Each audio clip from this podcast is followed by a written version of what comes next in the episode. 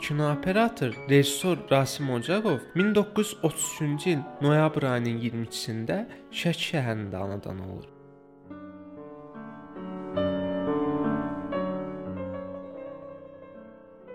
Kino işini özünə peşə seçən Ocaqov operatorluq fakültəsini bitirdikdən sonra Bakıda rejissorluq fakültəsində təhsil alır.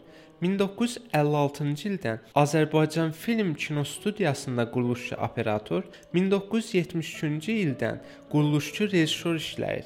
50-ci illərin sonlarından başlayaraq güclü bir canlanma, yeni nəfəs, yeni mövzular gəlir kinoya və belə bir vaxtda Rasim Ocaqov Bakı Kino Studiyasında ilk çəkilişlərinə başlayır.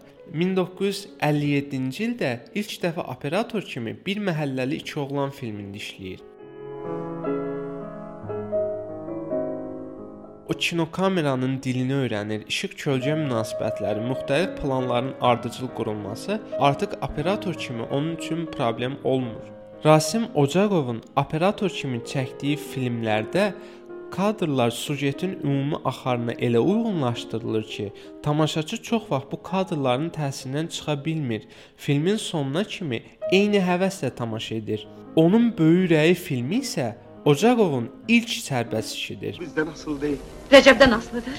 Bu saat gidiyor onun yanına. Tərk etmənə razılıq vermədi. Dedin ki qaytarmaq istəyirsən. Dedim, məsələ bunda deyil. Onun məndən zəhləsi gedir. Fikri başqadır. O Mansurla Operator kinoya heç vaxt artıq bir detal gətirmir. O bəzən heç rejissorla məsləhətləşmədən çəkilişləri aparır. Sonradan bu kadrlara bircə tamaşa edəndə rejissorlar onun işinə qibtə edirlər. Əsl dost, bizim küçə, mən rəqs edəcəyəm. Sən niyə susursan və skripkanın sərgüzəşti filmlərində Rasim Ocaqov Azərbaycan kinosunda operatorluq sənətinin ən layiqli nümunələrini yaradır. Rasim Ocaqovun Tütək səsi filmi əsl mənada kinomuzun şedevrlərindən birinə çevrilir. Özünü atmağa çıxıb ora. Çalıb qutaran kimi atacaq özünü.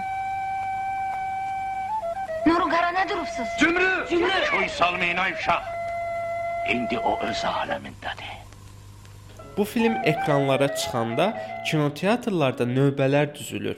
Ad günü, Bağlı qapı, Özgə ömür, Park, Ölsən bağışla, həm ziyarət, həm ticarət və istintaq filmlərində müasirlərin əsl obrazını yaratmaqla tamaşaçıları ətrafa diqqətlə yanaşmağa, cəmiyyətdə baş verən neqativ hallara göz yummamağa çağırır. Təxminə Otel otağı kimi son filmlərində də ciddi mövzulara toxunur. Yenə də insanın ətraf aləmə münasibəti mövzusunda söhbət açır. Mən gərək bunu sənə deməyəydim. Amma mən səni deyəsən doğrudan da sevirəm. Özü də deyəsən lap ciddi. Mən də sənə bir şey demək istəyirəm. Amma heç kəs bilməsin. Mən dəli olmuşam səndən ötürü. Sənsiz bir saat bir Sənətkar 2006-cı ildə Bakıda vəfat edir.